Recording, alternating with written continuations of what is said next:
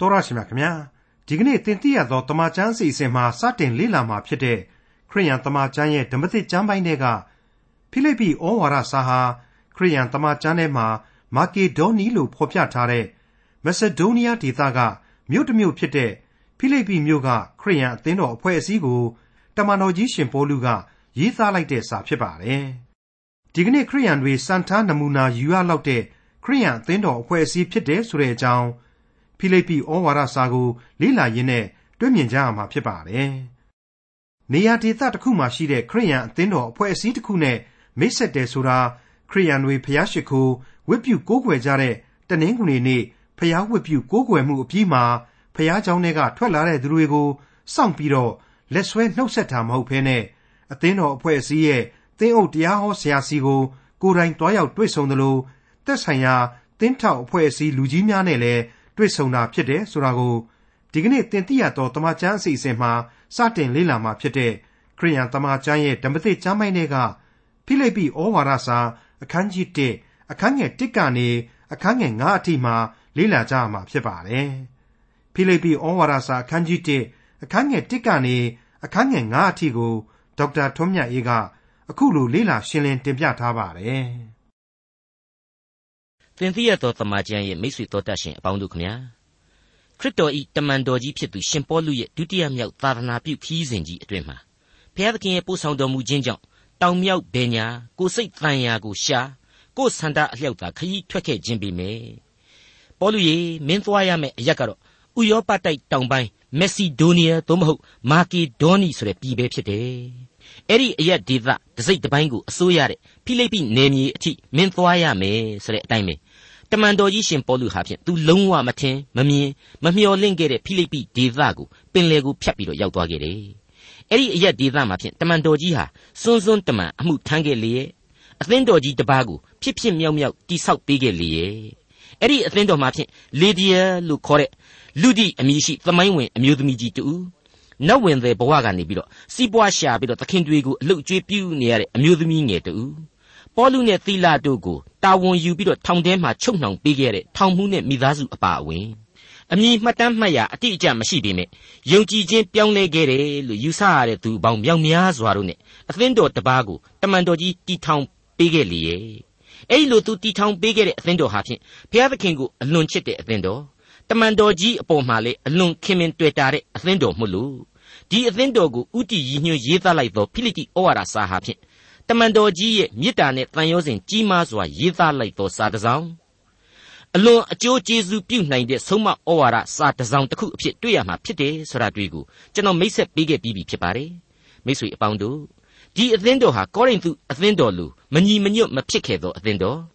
တမန်တော်ကြီးရှင်ပေါလုစိတ်ကျေနပ်လောက်အောင်ဝိညာဉ်အသိနဲ့ဝိညာဉ်သတိရှိတဲ့အသင်းတော်ဖြစ်ခဲ့တယ်ဆိုတာကိုဒီဩဝါဒစာအဖြစ်ကျွန်တော်တို့တွေ့မြင်လာရလိမ့်အောင်မယ်ဆိုတာကိုကြိုတင်ပြီးကျွန်တော်ဖော်ပြနှင်ခြင်းပါတယ် ဟုတ်ပါတယ်ဩဝါဒစာရဲ့အဆုံးပိုင်းနားမှာတော့အမျိုးသမီးနှစ်ဦးဖြစ်တဲ့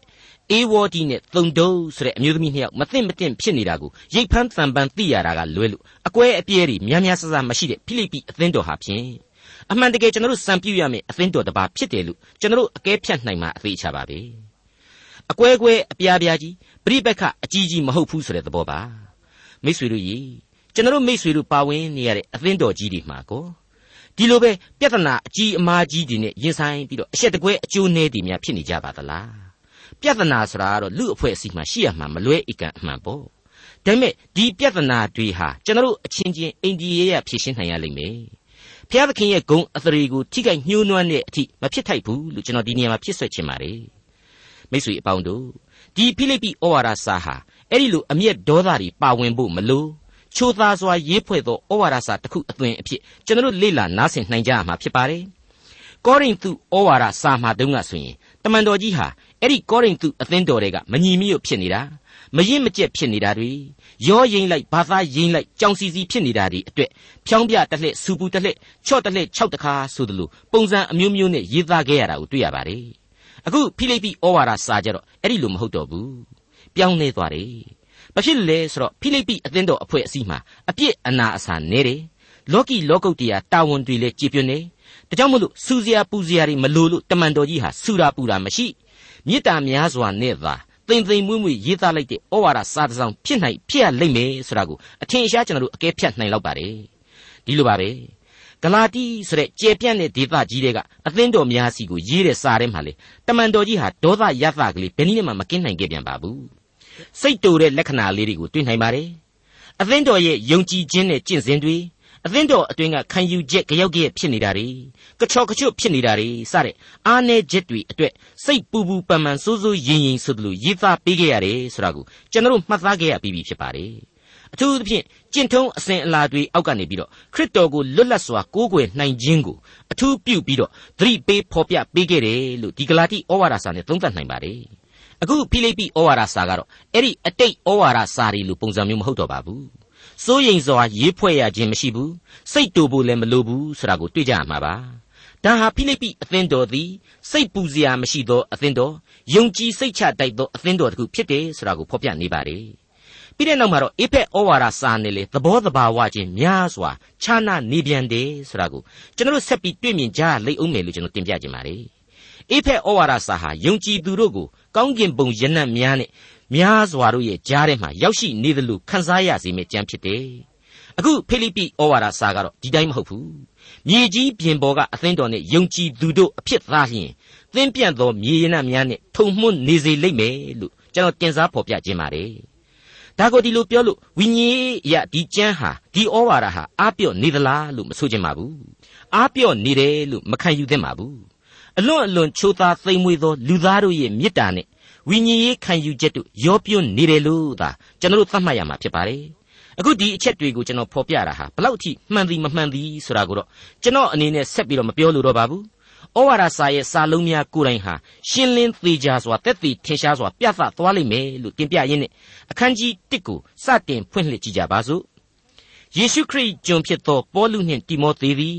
ဖိလိပ္ပိမြို့၌ရှိသောသင်းအုပ်တို့နှင့်သင်းတောက်တို့မှစ၍ယေရှုခရစ်၏တန်ရှင်းသူအပေါင်းတို့ကိုကြားလိုက်ပါ၏မိတ်ဆွေအပေါင်းတို့ခမညာတမန်တော်ကြီးဟာသူအလွန်ချစ်ခင်တဲ့တပည့်ကလေးတွေကိုအမြဲတမ်းဂုဏ်ပြုဖော်ပြလိရှိတဲ့အတိုင်းပဲအခုအချိန်မှာတိမောသေရဲ့အမည်နာမကိုဖော်ပြပေးလိုက်ပါတယ်တိမောသေကိုတမန်တော်ကြီးဟာသားကလေးတယောက်လိုချစ်တယ်သူ့တမန်တော်ဘဝလမ်းမှာလေလက်ကတုံးတောင်မွေးလို့အာကိုခဲ့ရလိမ့်မယ်လို့ဓမ္မပညာရှင်အများစုကတွေးဆခံယူကြပါတယ်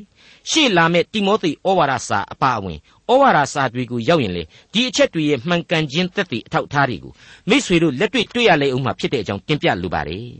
မိษွေအပေါင်းတို့ယေရှုခရစ်ကျွန်ဖြစ်သောပေါလုဆိုတဲ့အချက်ဟာအလေးအနက်ပြုရမယ်အချက်တစ်ခုပဲနှိုင်းရှင်ချက်အနေနဲ့ကောရိန္သုအသင်းတော်တွေစီကိုကောရိန္သုအသင်းတော်စီကိုသူရေးသားခဲ့တဲ့ဩဝါဒစာပထမစာဆောင်မှာသူဘယ်လိုဖော်ပြခဲ့သေးတယ်ဆိုတာကိုပြန်ပြီးတော့အမှတ်ရကြပါ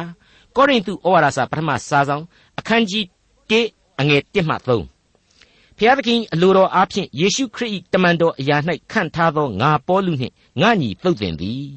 ယေရှုခရစ်အားဖြင့်အပြစ်နှင့်ကင်းစင်၍တန်ရှင်းသူအရာ၌ခန့်ထားသောသူဒီဟုသောကောရိန္သုမြို့၌ရှိသောဘုရားသခင်အသင်းတော်မှစ၍ခတ်သိမ်းသောအရ၌ငါတို့သခင်ယေရှုခရစ်ကိုပတနာပြုသောသူအပေါင်းတို့ကိုကြားလိုက်ပါ၏ထိုသခင်သည်ငါတို့၏သခင်သာမဟုတ် သင်တို့၏သခင်လည်းဖြစ်တော်မူ၏သခင်ယေရှုခရစ်နှင့်ငါတို့အဖဒီဟုသောဘုရားသခင်အထံတော်ကကျေးဇူးတော်နှင့်ညီသက်ခြင်းသည်သင်တို့၌ရှိပါစေသောတဲ့ငါဟာတမန်တော်ဖြစ်သည်ကိုမင်းတို့သတိရစေခြင်းလေဆိုတာကိုတမင်ဖော်ပြလိုက်တယ်ဆိုတာဟာရှင်းနေပါလေတခါဆက်ပြီးတော့အဲ့ဒီတိုင်းပါပဲကောရိန္သုဩဝါဒစာဒုတိယစာဆောင်ရဲ့ဏိဒန်းပိုင်းမှာဘယ်လိုပြိုးခဲ့သေးတယ်ဆိုတာကိုလည်းရှင်းပြီးတော့ကြည့်ကြပါကောရိန္သုဩဝါဒစာဒုတိယစာဆောင်အခန်းကြီး1အငယ်1နဲ့2 ဖျားသခင်အလိုတော်အားဖြင့်ယေရှုခရစ်တမန်တော်ဖြစ်သောငါပေါလုနှင့်ငါညီတိမောသေသည်ကောရိန္သုမြို့၌ရှိသောဖျားသခင်အသင်းတော်မှစ၍အခါရပြည်အရရတို့၌ရှိသောတန်ရှင်းသူအပေါင်းတို့ကိုကြားလိုက်ပါ၏သခင်ယေရှုခရစ်နှင့်ငါတို့အဖဒီဟုသောဘုရားသခင်အထံတော်ကကျေးဇူးတော်နှင့်ညီသက်ခြင်းသည်သင်တို့၌ရှိပါစေသောနှစ်ကြော့ပြန်ထားခဲ့ပါれငါဟာတမန်တော်ဖြစ်တယ်ငါဟာတမန်တော်ဖြစ်တယ် တနည်းအားဖြင့်ငါဟာအခွင့်အာဏာရှိသူဖြစ်တယ်ဆိုတဲ့အချက်ကိုတမင်ဖော်ပြထားတယ်အဲ့ဒီတိုင်းပါပဲယုံကြည်ခြင်းတရားကိုတော့လက်ကင်ထားပါရဲ့ကျင့်စဉ်တွေဟာပြည့်ညတ်တော်သမားတွေရောင်ရောင်ခရစ်တော်ရဲ့ကျေးဇူးဂရုဏာတော်ရောင်ရောင်ဖြစ်နေခဲ့တဲ့အတွက်ရောင်ချာချာဖြစ်နေဟန်ရှိတဲ့ဂလာတိဒေသကယုံကြည်သူတွေအတွက်ရေးသားထားတဲ့ဩဝါဒစာမှာကြတော့လေအခုလိုတမန်တော်ကြီးဆိုခဲ့ပြန်ပါသေးတယ်ဂလာတိဩဝါဒစာအခန်းကြီး1အငယ်1မှ9 လူနှင့်မဆက်ဆိုင်လူ၏အခွင့်မရှိဘဲလျက်ယေရှုခရစ်၏အခွင့်နှင့်၎င်းထိုသခင်ကိုသေခြင်းမှထမြောက်စေတော်မူသောခမည်းတော်ဘုရားသခင်၏အခွင့်နှင့်၎င်းတမန်တော်ဖြစ်သောငါပေါလုမှစ၍ငါထံမှရှိသောညီအကိုအပေါင်းတို့သည်ဂလာတိပြည်၌ရှိသောအသင်းတော်များကိုကြားလိုက်ပါ၏သခင်ယေရှုခရစ်၏ခမည်းတော်ဖျားထံတော်ကကျေးဇူးတော်နှင့်ညီသက်ခြင်းသည်သင်တို့၌ရှိပါစေသောကဲအားလုံးကိုခြုံပြီးတော့သုံးသပ်ကြည့်ပါစဉ်းစားကြည့်ပါ အဲ့ဒီကောရိန္သုနဲ့ဂလာတိဩဝါဒစာတွေမှာထုံးဖွဲ့ရေးသားပုံနဲ့အခုဖိလိပ္ပိဩဝါဒစာအတွက်ထုံးဖွဲ့ရေးသားပုံဟာတူပါသလားအရှင်းမတူတော့ပါဘူး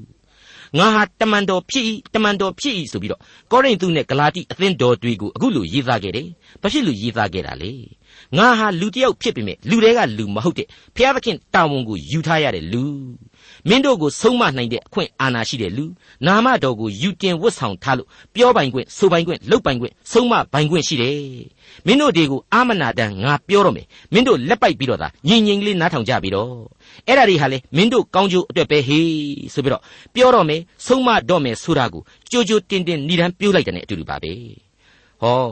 အခုဖိလိပ္ပိဩဝါဒစာမှာကျတော့အဲ့ဒီလိုမဟုတ်တော့ဘူး ငါတို့ဟာခရစ်တော်ရဲ့သာမညအမှုတော်ဆောင်ကလေးများသာဖြစ်တယ်ဆိုတာကိုအလွန်အလွန်နှိမ့်ချစွာနဲ့ဖော်ပြလိုက်ပါတယ်။တနည်းအားဖြင့်အစကတည်းကသူ့ရဲ့အသံကိုလျှော့ချလိုက်တဲ့သဘော။သိမ်မွေ့ခြင်းနဲ့တမင်စတင်လိုက်တဲ့သဘောဖြစ်ပါတယ်။မိတ်ဆွေအပေါင်းတို့ဖိလိပ္ပိမြို့၌ရှိသောသင်းအုပ်သင်းတောက်ကအစယေရှုခရစ်၏တန်ရှင်းသူအပေါင်းစီးကို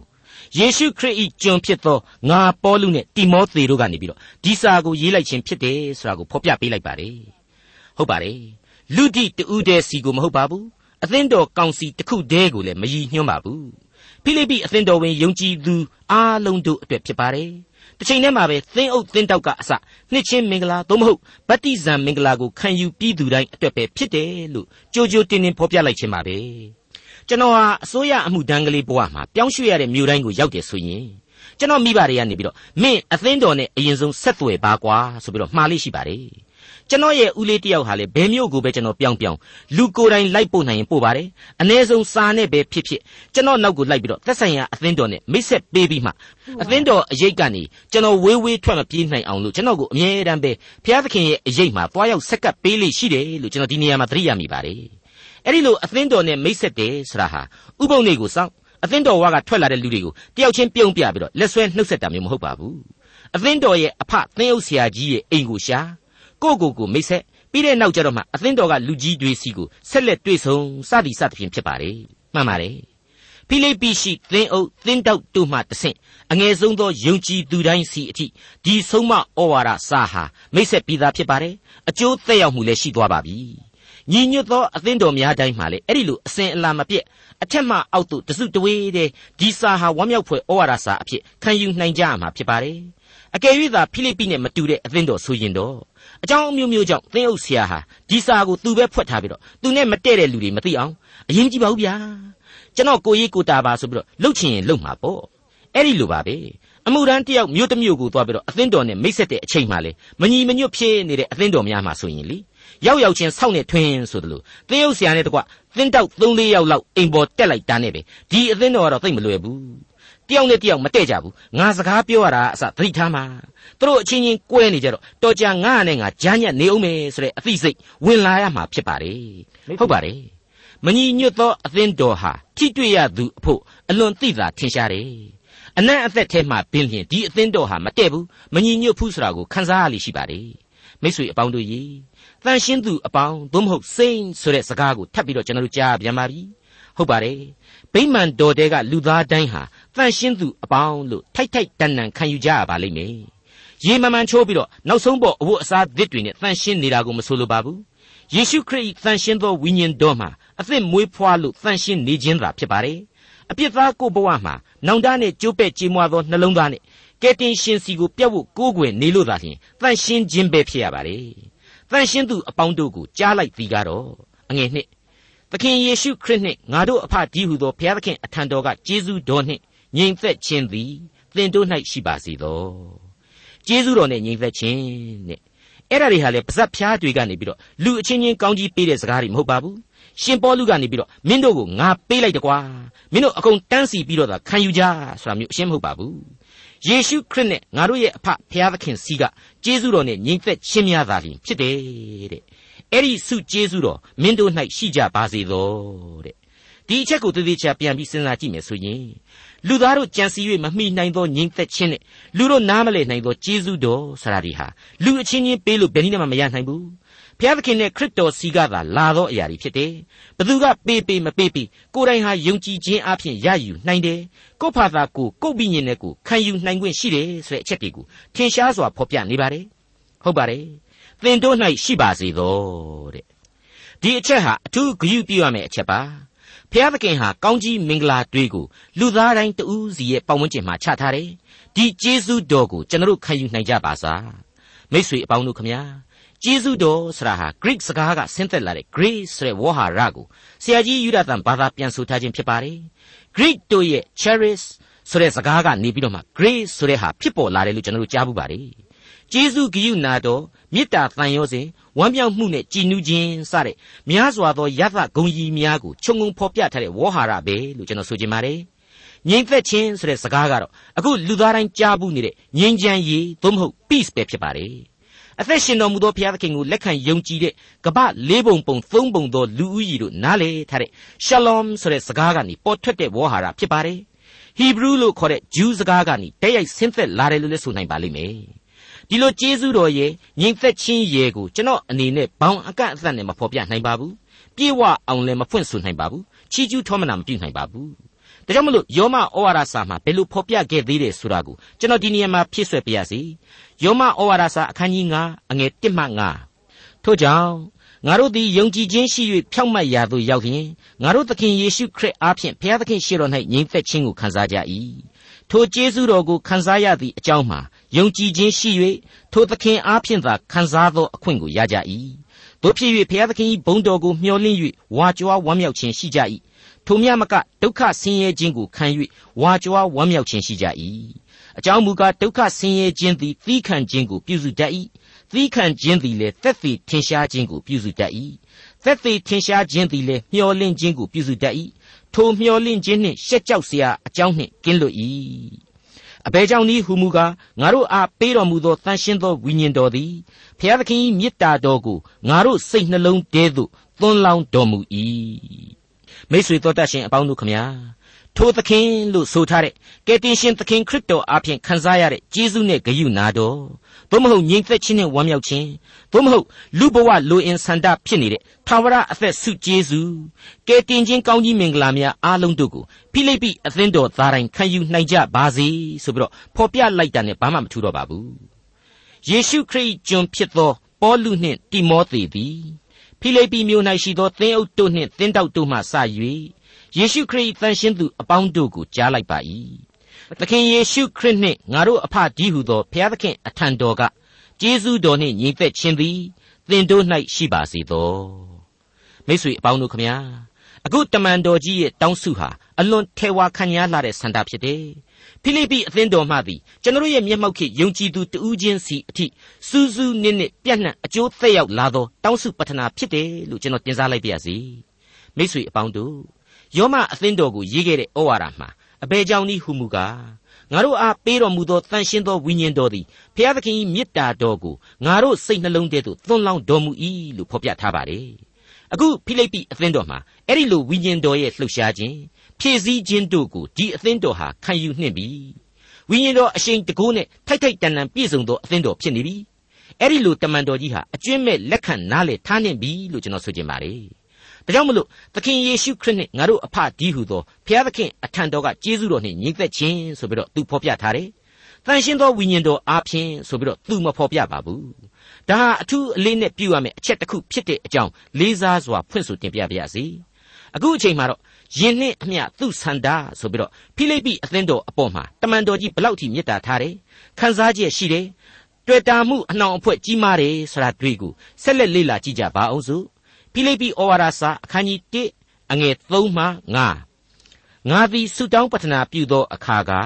ဝမ်းမြောက်သောစိတ်နှင့်သင်တို့ရှိသမျှအဖို့ကိုအစဉ်ဆုတောင်းပတနာပြုလျက်သင်တို့ကိုအောက်မေ့သောအခါက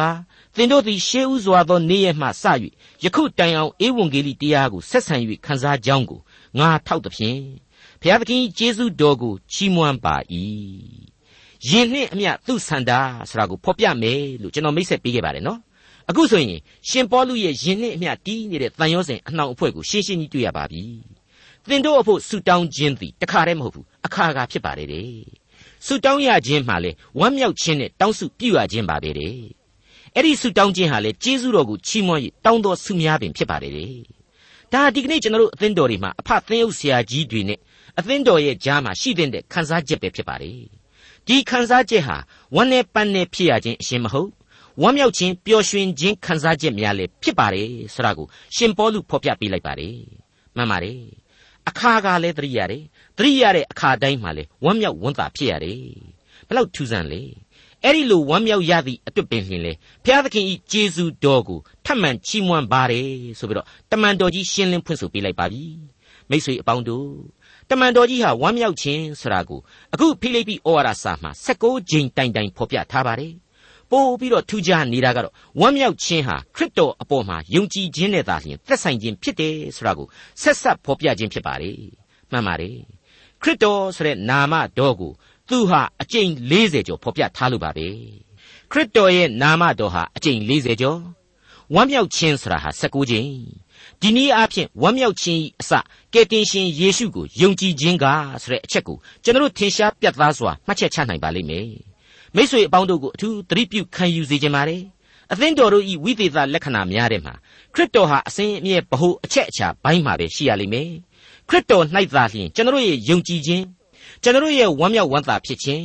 ကျွန်တော်ရဲ့ကျေးဇူးတော်ချီးမွမ်းခြင်းတို့ဟာအမြင့်တည်နေရလိမ့်မယ်ဆိုတဲ့အချက်ကိုကျွန်တော်ဘယ်နည်းနဲ့မှမမေ့ထားတိုက်လှပါဘူးမိษွေအပေါင်းတို့တကယ်တကယ်တော့ကျွန်တော်ယုံကြည်ခြင်းရှိသူအပေါင်းတို့ရဲ့အသက်တာ ကျွန်တော်ယုံကြည်ခြင်းရှိသူအပေါင်းတို့ရဲ့အစည်းအရုံးဖြစ်တဲ့အသင်းတော်ဆရာဟာကယ်တင်ရှင်သခင်ခရစ်တော်ဒီဟုသောဥကောင်းနဲ့တစ်ဆက်တစ်ဆက်တည်းတည်နေတဲ့ခန္ဓာတော်ဖြစ်တယ်ဆိုပြီးတော့ကျွန်တော်အေဖက်ဩဝါဒစာမှာရှင်းလင်းပြသစွာနားလည်ခဲ့ရပြီးပါပြီဒီတော့ကယ်တင်ရှင်သခင်ခရစ်တော်နဲ့တွေ့ဆဲနေတဲ့ကျွန်တော်တို့တူးစီတို့ရဲ့အသက်တာတွေဟာကယ်တင်ရှင်သခင်ခရစ်တော်၌သာလျှင်ဘ ਹੁ ပြုရမယ်ဆိုတာဘာမှမဆန်းလှပါဘူးအခုဆိုရင်တမန်တော်ကြီးဟာဝမ်းမြောက်စွာဖြင့်ကျေးဇူးတော်ကိုချီးမွမ်းတယ် ဖိလိပ္ပိအသင်းတော်အတွက်အခါခါဆူတောင်းပေးနေတယ်ဆိုတာကိုကျွန်တော်တို့တွေ့ရပါပြီဒီဝမ်းမြောက်ခြင်းဟာခရစ်တော်အပေါ်မှာယုံကြည်ခြင်းအပြင်ခံစားရဝမ်းမြောက်ခြင်းဖြစ်တယ်ဆိုတာကိုကျွန်တော်ရှင်းလင်းစွာနားလည်ရပြန်တော့ဒီယုံကြည်ခြင်းဆိုတာကိုဘာကြောင့်ယုံကြည်ခြင်းအဖြစ်သတ်မှတ်တယ်ဆိုတာကိုဆက်ဆက်တွေးခေါ်ဖို့လိုလာပါတယ်အဲ့ဒါကတော့သင်တို့သည်ရှေးဥစွာသောနေ့ရက်မှစ၍ယခုတိုင်အောင်ဧဝံဂေလိတရားကိုဆက်ဆံ၍ခန်းစားကြောင်းကိုတွေ့ရသဖြင့်ဆိုတဲ့ ယုံကြည်ခြင်းရဲ့မြင်ကွင်းကျဲကိုဒီနေရာမှာတမန်တော်ကြီးရှင်းလင်းဖွင့်ဆိုလိုက်ခြင်းပဲဖြစ်ပါတယ်မိ쇠အပေါင်းတို့ခမညာဝမ်းမြောက်ဖွယ်ဧဝံဂေလိသတင်းစကားဆရာဟာခရစ်တော်ရဲ့အသေးခံတော်မူခြင်းခရစ်တော်ရဲ့သင်္ကြန်ခြင်းကိုခံယူတော်မူခြင်းနဲ့ခရစ်တော်ရဲ့ရှင်ပြန်ထမြောက်ခြင်းပြီးတဲ့နောက်မှာတော့ကောင်းကင်ဘုံကိုဝင်စားခြင်းဆိုတဲ့အချက်တွေးပေါ်မှာမူတည်နေတယ်ဆိုတာကိုကျွန်တော်တို့ဟာဓမ္မသစ်ကျမ်းတစ်လျှောက်မှာစက်တိုက်တွေ့ကြရပါပြီဟုတ်ပါတယ် ဒါဟာခရစ်တော်လူစားတိကိုခံယူပြီးတဲ့နောက်မှာလူသားတိုင်းအတွက်စီရင်တော်မူသောအသက်လမ်းဤတရားဖြစ်လာခဲ့ရတယ်မဟုတ်ဘူးလားကဲတင်ခြင်းကျေးဇူးဆိုတာအဲ့ဒါပဲယုံကြည်သူတိုင်းကိုဝိညာဉ်တော်ဟာလမ်းပြတယ်ကောင်းကျင်အမွေအတွက်တစိ့ခတ်နှိပ်ပေးထားတယ်လို့လည်းကျွန်တော်တို့သိနာလေရတယ်အဲ့ဒါဟာကျွန်တော်ရဲ့အခွင့်အရေးရှင်းရှင်းပြောရရင်တော့လူသားတိုင်းကိုခရစ်တော်ပေးတဲ့အသက်ဆွန့်မေတ္တာတော်ကနေလာတဲ့အကျိုးကျေးဇူးကြီးပါပဲမိတ်ဆွေအပေါင်းတို့ခမညာ အပြစ်နှင့်သေခြင်းမှအကျွင့်မဲ့လွတ်မြောက်ခြင်းအကြောင်းကိုလူသားတိုင်းတို့နားလည်အောင်ဖော်ပြပေးလိုက်တဲ့တရားတော်ပဲဖြစ်ပါတယ်ဒီတရားဟာဝမ်းမြောက်ဖွယ်ဖြစ်တယ်ဒီတရားကိုယုံကြည်သူကယ်တင်ရှင်ယေရှုကိုခံယူသူတိုင်းဟာလေခရစ်တော်၌ဝမ်းမြောက်ခြင်းအခွင့်ကိုခံစားကြရလိမ့်မယ်ဆိုတာကိုဒီနေရာမှာတမန်တော်ကြီးဟာရှင်းလင်းစွာကျွန်တော်တို့နားလည်အောင်လို့သွန်သင်ပေးလိုက်တယ်လို့ကျွန်တော်ခံယူပါတယ်။ဒါကြောင့်မလို့ဖိလိပ္ပိအသင်းတော်သည်ဝမ်းမြောက်ဖွယ်သောအသင်းတော်ဖြစ်တယ်လို့ ဖိလိပ္ပိအသင်းတော်ဤဝမ်းမြောက်ခြင်းဆိုတာဟာလေတမန်တော်ကြီးအဖို့ဝမ်းမြောက်ဝမ်းသာစရာဖြစ်တယ်။ကျေးဇူးတော်ကိုချီးမွမ်းထောမနာပြုစရာအကြောင်းဖြစ်ခဲ့တယ်ဆိုတာကိုဇက်တိုက်နားလည်လာစီပါတယ်။ယေရှုခရစ်ကျွန်ဖြစ်သောပေါလုနှင့်တိမောသေသည်ဖိလိပ္ပိမြို့၌ရှိသောသင်းအုပ်တို့နှင့်သင်းတောက်တို့မှစ၍ယေရှုခရစ်တန်ရှင်းသူအပေါင်းတို့ကိုကြားလိုက်ပါ၏သခင်ယေရှုခရစ်နှင့်ငါတို့အဖဒီဟုသောဘုရားသခင်အထံတော်ကကျေးဇူးတော်နှင့်ငြိမ်သက်ခြင်းသည်သင်တို့၌ရှိပါစေသော ငါသည်ဆုတောင်းပတနာပြုသောအခါကဝမ်းမြောက်သောစိတ်နှင့်သင်တို့ရှိသမျှအဖို့ကိုအစဉ်ဆုတောင်းပတနာပြုလျက်သင်တို့ကိုအောက်မေ့သောအခါကသင်တို့သည်ရှေးဥစွာသောနေ့ရက်မှစ၍ယခုတိုင်အောင်ဧဝံဂေလိတရားကိုဆက်ဆံ၍ခန်းစားကြောင်းကိုငါထောက်သဖြင့်ဖျားသခင်၏ကျေးဇူးတော်ကိုချီးမွမ်းပါ၏ဒီဏိဒန်းအဖြစ်စတင်ပေးလိုက်တဲ့ကျေးဇူးတော်ချီးမွမ်းခြင်းအသံဟာ ဖိလိပ္ပိအသင်းတော်ကြီးမှသည်ဒီကနေ့ဒီကဘာနဲ့တကွကျွန်တော်မိษွေတို့ပါဝင်နေရတဲ့ယုံကြည်သူများရဲ့အဖွဲ့အစည်းအားလုံးတို့အတွက်အလွန်နှစ်လိုပွေသောကျေးဇူးတော်ချီးမွမ်းသံဖြစ်ပါတယ်ပြီးတော့ကျွန်တော်အားလုံးတို့ရဲ့ရှင်သန်ရာအသက်တာကာလအသီးသီးတို့အတွက်ရှေးဥစွာမှစ၍အစဉ်တစိုက်တည်ရှိခဲ့သောဧဝံဂေလိသို့မဟုတ်အသက်တရားကိုဘယ်သောအခါမျှမစွန့်ပစ်ကြဖို့ရန် အခါခါဆန္ဒပြုလိုက်သောတမန်တော်ကြီးရဲ့မေတ္တာဩဝါဒစာဖြစ်တယ်လို့ကျွန်တော်ဒီကနေ့အဖို့လေးစားစွာတင်ပြပေးလိုက်ပါတယ်မိษွေတော်တတ်ရှင်အပေါင်းတို့ထံကိုအဖဖျားသခင်ထံမှလူတို့ကြံစည်၍မမိနိုင်သောငြိမ်သက်ခြင်းနဲ့ဝမ်းမြောက်ခြင်းဆုကျေးဇူးများကာလအစဉ်သက်ရောက်နိုင်ပါစေလို့ကျွန်တော်တင်ပြရသောတမန်ကျန်အဖွဲ့ကလေးစားစွာနဲ့ဆုတောင်းမေတ္တာပို့သလျက်ရှိနေကြောင်းပါခင်ဗျာဒေါက်တာထွန်းမြတ်ရေးစီစဉ်တင်ဆက်တဲ့တင်ပြရသောတမန်ကျန်အစီအစဉ်ဖြစ်ပါတယ် နောက်တစ်ချိန်အစီအစဉ်မှာခရိယန်တမန်ကျန်ရဲ့ဓမ္မသစ်ကျမ်းပိုင်းတွေကဖိလိပ္ပိဩဝါဒစာအခန်းကြီး1အခန်းငယ်6ကနေအခန်းငယ်7အထိကိုလေ့လာမှဖြစ်တဲ့အတွက်စောင့်မျှော်နားဆင်နိုင်ပါတယ်။